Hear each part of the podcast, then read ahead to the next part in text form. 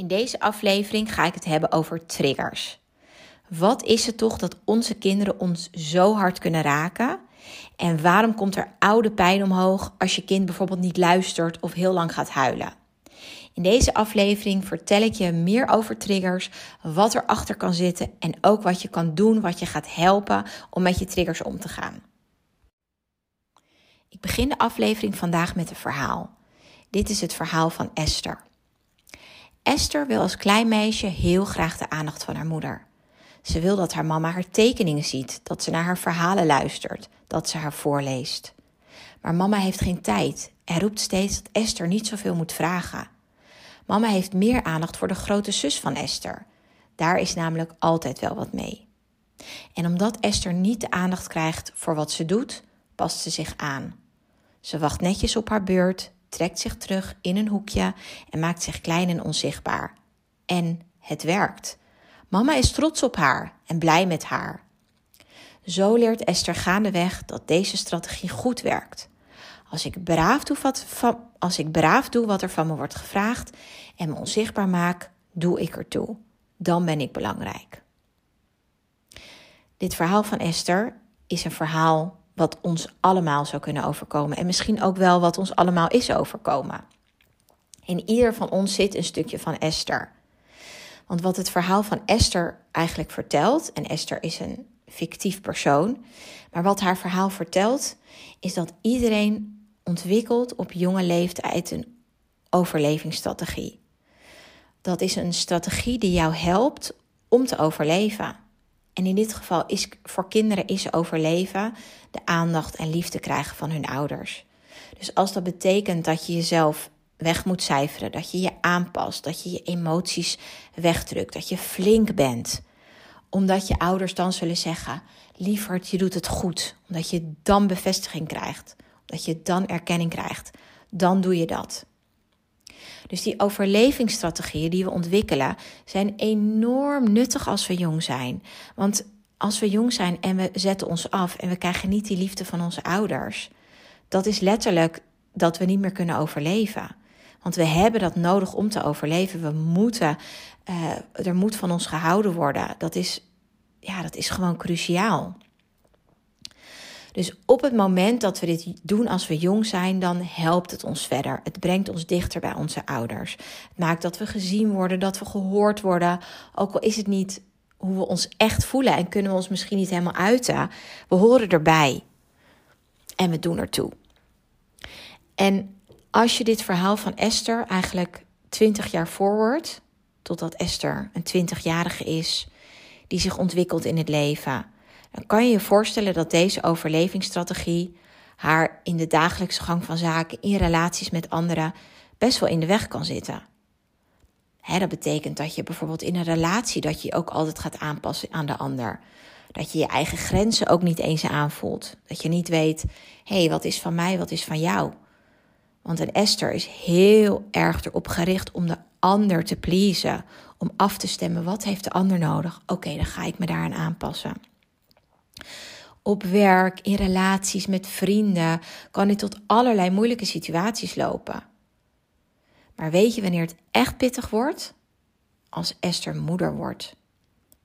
Je kan al die situaties in relaties, ja, weet je, dan kan er nog relaties op de klippen lopen. Maar als het je kind is en een kind die deze triggers op deze knoppen gaat drukken, dan wordt het pas echt zwaar. Want dan kan je er namelijk niet meer van weg. Je kan wel stoppen met werk omdat het misschien niet gaat, omdat je veel te veel op je, op je nek haalt. Maar je kan niet stoppen met je kind. En wat zou een kind nou doen die een kind zou zijn van Esther? Wat zou een kind nou kunnen laten zien? Het is grappig, want um, het is niet altijd duidelijk en we weten niet altijd welke strategieën en patronen leiden tot een bepaald gedrag of bepaalde uitingen van een kind. Maar vaak kan je het wel terugleiden. En in dit geval, uh, in mijn verhaal, krijgt Esther een kind dat zich niet aanpast. Dat heel erg laat zien wie ze is. Dat ze een dochter krijgt die enorm op de strepen staat, de grenzen aangeeft, dwars is. Nee, dat wil ik niet. Zo wil ik het niet, mama. En Esther wordt hierdoor heel erg overweldigd. Want eigenlijk laat haar dochter zien wat zij had willen doen toen zij een kind was, maar wat ze niet had kunnen doen. Dus Esther gaat hier heel erg of tegenin, of ze kruipt juist weer in een hoekje en gaat haar kind pleasen. En wat haar kind eigenlijk doet, is zegt: Mama, kijk naar mij. Ik heb behoeftes. En ik voel dat jij ook behoeftes hebt, maar je laat ze niet zien. En in die zin zijn kinderen onze spiegel. En het is echt aan ons om te gaan kijken: hé, hey, wat laat mijn kind nou zien? Welk deel van mezelf dat ik moeilijk vind, dat ik niet laat zien? Welke overlevingsstrategie voelt mijn kind aan en laat hij het zo bam in mijn gezicht zien? Dwarse kinderen kunnen vaak kinderen zijn die voelen dat jij je grenzen niet kan aangeven. Die gaan dan keihard er tegenin. Maar het kan ook zijn dat dwarse kinderen voelen dat je juist heel veel grenzen aangeeft, te veel en dat je te veel controle wil. Dus het is niet altijd één op één gezegd: als jij dit zo bent opgegroeid, gaat jouw kind dat doen. Een kind voelt iets aan en doet daar op een gegeven moment iets mee. En mijn vraag aan jou is om echt even diep te gaan kijken en diep te graven bij jezelf en te voelen van hé, hey, wat is nou mijn trigger? Wat, waarvan ga ik nou op de kast? Is dat als mijn kind niet luistert? Als mijn kind heel hard gaat huilen? Is het dan eigenlijk een trigger omdat ik het heel moeilijk vind om met die emoties om te gaan, omdat ik vroeger mijn emoties niet mocht laten zien? Ik moest flink zijn. Dus als ik ineens een gevoelig kind heb dat om alles huilt, zit daar een stuk van mij bij. Zit daar een stuk van het erkennen, het kunnen erkennen, het kunnen accepteren van die emoties. En laat mijn kind zien: hé, hey, mama, papa, hier moet je iets mee. Dit is nog niet geheeld. Dit is jouw wond. En dat is wat kinderen doen als we het hebben over op knoppen drukken. En wat ik wel interessant vind, is dat we vaak denken: ja, maar een kind weet dat toch helemaal niet? Een kind heeft toch helemaal niet meegemaakt wat ik heb meegemaakt? Maar het is ook op een onbewust niveau. Kinderen weten dat zelf niet eens dat ze het weten. Net als dat jij als kind ook maar hebt gedaan wat jij hebt aangevoeld. En dat jij dwars was of dat jij je ging aanpassen, juist net als Esther. Um, deed je ook niet omdat je bewust was van, oh, dan krijg ik liefde. Maar dat deed je gewoon, want dat, dat was de manier om je jeugd door te komen. Dat was de manier om de aandacht van je ouders te krijgen. Dus deed je dat. En voor onze kinderen geldt datzelfde. Dus het is eigenlijk iets super moois, omdat en confronterend en heel moeilijk. Um, nog een voorbeeld. Ik geloof dat als je zo, hoe meer voorbeelden we delen, hoe meer dingen je kan denken: oh ja, ja, ja, ja, dit laat mijn kind misschien wel zien. Een uh, collega van mij die vertelde dat haar uh, kind, haar zoon, eigenlijk al zijn hele leven, zijn hele jeugd bezig was om iets te laten zien aan die moeder. En ze heeft het eigenlijk nooit gezien. Totdat hij 17 was en het zo uit de hand liep dat ze hem uit het huis zette. En wat haar zoontje altijd deed, is die was altijd een beetje aan het dromen. Heel erg traag. Als zij zei van, hé, lieverd, nu eventjes je schoenen op, opruimen, kamer opruimen, kom klaarmaken. En dan zat haar kind maar te dromen van, hè, wat? En dat frustreerde haar zo enorm en intens. Dat ze alleen maar dacht: wat is er toch met hem? Weet je, die moeder is een aanpakker. Die doet gewoon wat er moet gebeuren. Houdt van uh, grip op de zaak hebben. En ze had een zoon en die was maar zo sloom. En werkte niet mee als ze het vroeg. En leek alsof hij in een vertraging ging als zij in een versnelling ging. En jaren gingen voorbij en ze vroeg ze steeds af: van, wat is dat toch met mijn kind? Waarom is hij zo raar? Ik, hij, hij lijkt ook helemaal niet te passen binnen dit gezin. En jaren later, toen het echt uit de hand liep, heeft ze echt een hele jeugd voor moeten, voor moeten overdoen, zeg maar. Om erachter te komen dat uiteindelijk hij iets liet zien aan haar. En dat was vertragen. Zij zat in standje 100 elke dag. En die jongen die liet alleen maar aan haar zien: doe nou maar rustig. Ga nou maar vertragen, want dit is eigenlijk wat jij nodig hebt. En door met zichzelf aan de slag te gaan en therapie te krijgen en ook werk te doen om andere ouders te helpen, kwam ze erachter: hey, dit is de boodschap die ik al die jaren heb gemist. En de bedoeling was dat ik even pas op de plaats zou maken. Dat ik stil zou staan. Stil zou staan bij mijn gevoelens, bij mijn emoties. En pas als ik stil kon staan, kon ik ook stilstaan bij het gevoel van mijn zoon. Ik vind het zo een mooi en inspirerend verhaal, omdat het ons eigenlijk leert dat een kind altijd met een boodschap komt. En de kinderen, nou laat ik het zo zeggen, de kinderen die ons triggeren, komen altijd met een boodschap. En dat is een soort van ja, systemische wetmatigheid. Dat kinderen die ons triggeren, willen ons iets laten zien. En het is aan ons om daar open voor te staan. En om niet die deur dicht te doen en te denken: mijn kind is raar, er is iets met hem, er is iets met haar. Wat is ze toch altijd lastig, wat is ze altijd vervelend? Nee, je kind heeft hier een missie. En ze weten het zelf niet, maar het is een, op een onbewust niveau. En dit is wat kinderen tot onze goeroes maakt. En dit is waarom wij het verhaal van die triggers van onze eigen jeugd eerst moeten begrijpen, omarmen, accepteren. Eigenlijk voordat we beginnen met opvoeden. Want we willen niet hebben dat we er pas na 17 jaar achter komen dat we eigenlijk al die tijd de boodschap hebben gemist. Dus kan je bij jezelf afvragen: wat is de boodschap die mijn kind mij probeert te geven?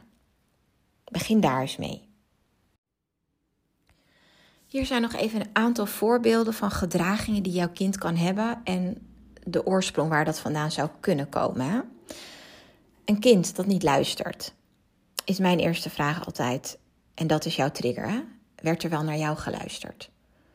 Als jij het gevoel hebt dat jouw kind jou niet hoort en dat je constant bezig bent om je kind tot orde te roepen, is de vraag: werd er wel naar jou geluisterd? Een kind dat blijft drammen en zich heel erg duidelijk maakt wat ze behoefte aan behoefte zijn. Misschien was grenzen stellen voor jou lastig en nog steeds. Waardoor je kind eigenlijk de hele die grens aan het opzoeken is. Um, een kind dat schreeuwt en krijst, lawaai. Dat je dat een trigger vindt. Was jij vroeger misschien veel overprikkeld. Want weet je wat triggers doen? Die, die duwen de heet op een wond. En die, die creëren eigenlijk weer een, een nieuwe soort pijn. Dus die drukken weer op de pijn die je vroeger had. En het is niet zo dat je opnieuw uh, die, die pijn voelt. Je voelt eigenlijk gewoon die oude pijn. Een kind dat de grenzen opzoekt, nou het zei ik al, je kan moeilijk grenzen stellen. Een kind dat brutaal is, kan ook heel erg zijn omdat je vroeger nooit brutaal mocht zijn. En dat dat heel erg werd afgekeurd. En um, kan betekenen dat je het persoonlijk opvat, dat je er onzeker van wordt. Ook hetzelfde geldt voor als een kindje afwijst. Als dat een enorme trigger is, kan dat zeker zijn. En meestal is dat omdat je vroeger ook uh, afgewezen bent, of misschien op school, of gepest bent, dat een afwijzing enorm erin hakt. En op het moment dat we dan in de slachtofferrol gaan, van je doet mama pijn, dat is niet aardig om te zeggen, zitten we eigenlijk in onze eigen pijn. En heeft het niks meer met ons kind te maken, maar worden wij gewoon, wordt gedrukt op een blauwe plek, zei iemand uh, van, de, van de week. En dat vond ik eigenlijk een mooie. Je kind drukt op jouw blauwe plek. En onze reactie hè, op dat getriggerd worden is natuurlijk heel erg belangrijk. Omdat uiteindelijk is de reactie hoe, wij reactie, hoe wij reageren op het gedrag van ons kind, bepaalt eigenlijk de interactie en een actie-reactie. Dus als wij getriggerd reageren, reageert ons kind ook weer uh, getriggerd en is het een soort olie op het vuur gooien en gaat het zomaar door. We triggeren elkaar continu. Um, wat ook een goede is om je te bedenken van hoe reageer jij? Wat is eigenlijk jouw stressrespons? En als we het hebben over stressresponses, hebben we het ook eigenlijk over overlevingsreacties. Dus de fight, flight, freeze en uh, fix of please eigenlijk. En dat zijn de vier stressreacties als er dus gevaar dreigt. En dat is dus eigenlijk weer terug naar vroeger. Dat je reageerde zoals je vroeger deed. Um, of juist niet kon doen en nu wel doet.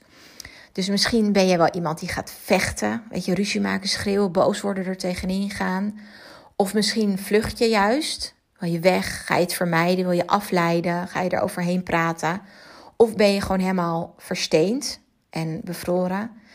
En dan kan het heel erg zijn dat je je ook een beetje ehm, lam geslagen voelt, niet weet wat je moet doen, niks doet, het laten gebeuren. En een freeze response kan ook echt een stressrespons zijn die je herkent van vroeger. Van ik hou me gewoon stil, niks doen, weet je wel. En um, dat kan een heel vervelend en naar gevoel zijn geweest, omdat het echt een machteloos gevoel is. Dus als jij het gevoel had van Er gebeurde van alles om mij heen. En ik, ik kon eigenlijk niks. Ik, ik, ik kwam in echt een freeze-reactie. Voelt dat enorm machteloos. En dat kan met je kind precies weer die machteloosheid triggeren. Een andere is dat je het wil fixen, dat je je kind wil pleasen. Dus dat je gaat toegeven als je kind uh, gaat huilen of, of, als je kind zegt van ik wil dat. Ja, oké, is goed, is goed, is goed, is goed. Doe maar, lieverd.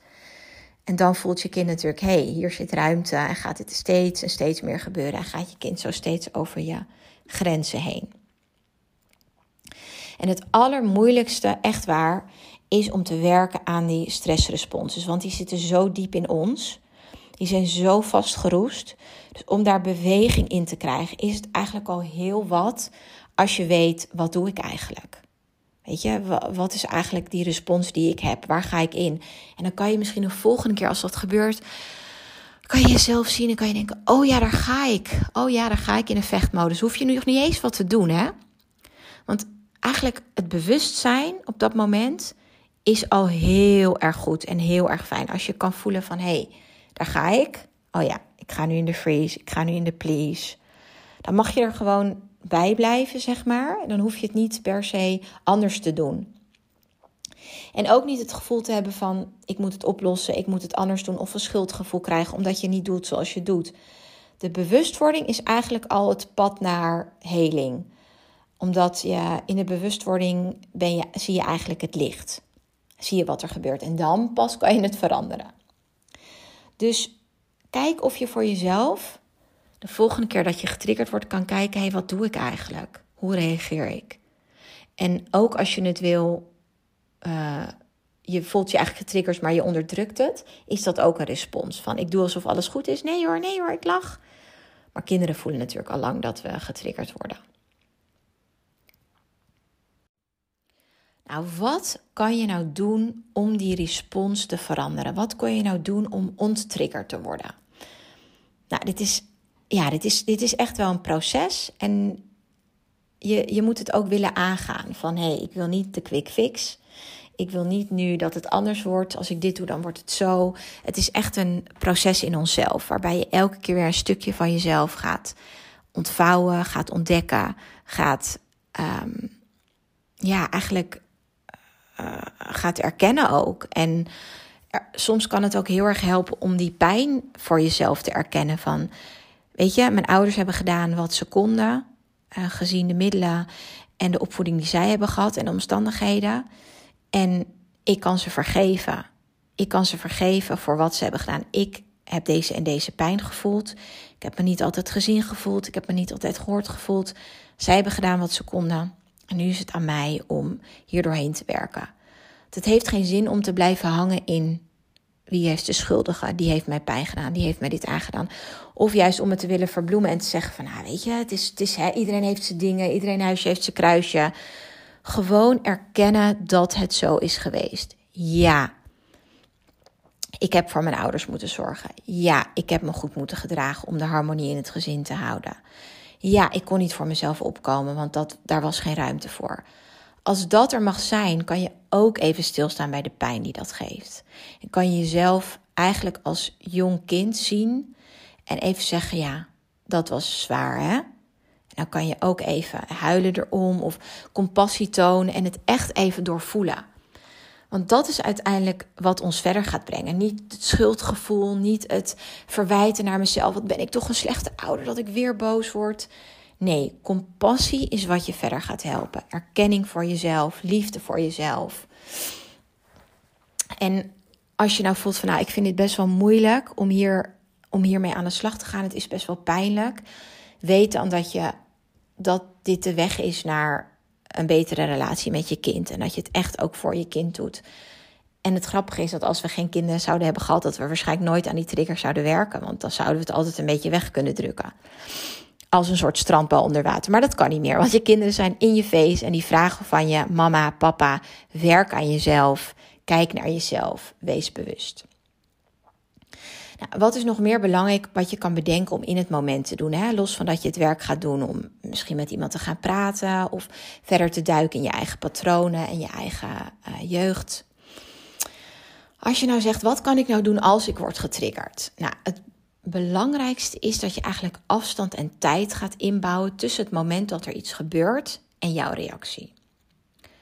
Dus je wil dat er meer tijd, meer afstand komt, zodat je niet in de heat of the moment reageert en niet als die gestoken, als uh, gestoken door een wesp, zeg maar, reageert. Zo, ah, ah, ah, zo super snel en heftig. Maar dat je kan heel even de tijd kan nemen om die gevoelens van jezelf te voelen. Van, oh ja, oké, ik merk dat ik me nu echt, ik zit nu bijna aan mijn tax. Weet je wel? Of ik zit nu aan mijn tax, ik ontplof. Wat altijd fijn is als je natuurlijk eerder kan voelen van... hé, hey, ik begin me nu geïrriteerd te voelen. Mijn kind is nu al twee keer over mijn grens gegaan. Ik ga eventjes nu een harde nee geven. Of ik ga nu eventjes alvast even ademen. Zodat je eigenlijk, dat is ook de key, is het voor zijn. En jezelf leren kennen en weten, wanneer ga ik in het rood? Wanneer ben ik nog in het oranje? En wanneer kan ik mezelf weer terugbrengen naar een normale staat?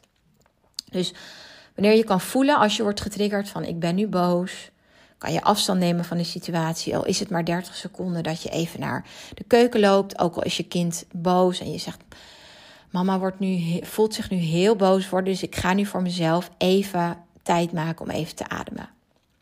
Het voordeel hiervan is dat je meteen aan je kind laat zien eigenlijk wat je kan doen als je getriggerd wordt. Wat je kind ook weer gaat helpen als hij of zij boos wordt. Dus het is eigenlijk dubbel. Je doet het voor jezelf en je leeft het voor.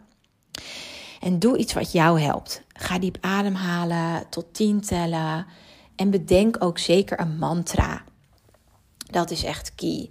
Als jij je mantra voor je kan houden van... mijn kind doet het niet expres. Dit is mijn oude pijn die omhoog komt. Ik voel me niet gezien. Ik voel me afgewezen. Ehm, mijn grens wordt overschreden. Dan kan je het weer loskoppelen van je kind. En dan kan je voelen, hé, hey, dit is van mij. Mijn kind gedraagt zich op een bepaalde manier, dat is van mijn kind. Maar die, die heftige pijn die ik voor nu voel, is van mij. Daar ga ik mee dealen. En het helpt natuurlijk altijd om dit dan achteraf met je partner te bespreken, of een vriendin of een familielid, zodat jij ook jouw support system eigenlijk creëert. Maar het belangrijkste is, vind een manier om die afstand te bouwen. Al is het maar 30 seconden en dan kan je dat misschien steeds opbouwen, zodat je niet reageert. Dat je eigenlijk misschien je hand voor je mond doet en gewoon gaat focussen op jezelf reguleren. Zeg je nou, ik zou heel graag hulp willen hierbij. Iets wat jou gaat helpen om echt die triggers te onderzoeken. Want er is nog, zijn nog veel meer dingen die je hierbij kan meenemen. Dit is maar een tipje van de ijsberg eigenlijk. Ik heb voor jou en heel veel ouders die hier tegenaan lopen de triggergids ontwikkeld. Dit is een digitale e-gids van 35 pagina's waarin ik je eigenlijk loods door die triggers heen. Betekent er staan oefeningen in, er staan inzichten in, er staan hele praktische voorbeelden in hoe je om kan gaan met triggers, hoe je het voor kan zijn, hoe je in het contact met je kind kan reageren en ook van hoe kom ik nou tot de kern, want ik weet het eigenlijk zelf niet. Mijn triggergids kan je bestellen via mijn website of via mijn Instagram. Hij kost 19,95 en je kan hem ook combineren met mijn masterclass Jouw emoties de baas, waarbij de gids eigenlijk nog meer tot leven komt en je nog meer praktische voorbeelden krijgt.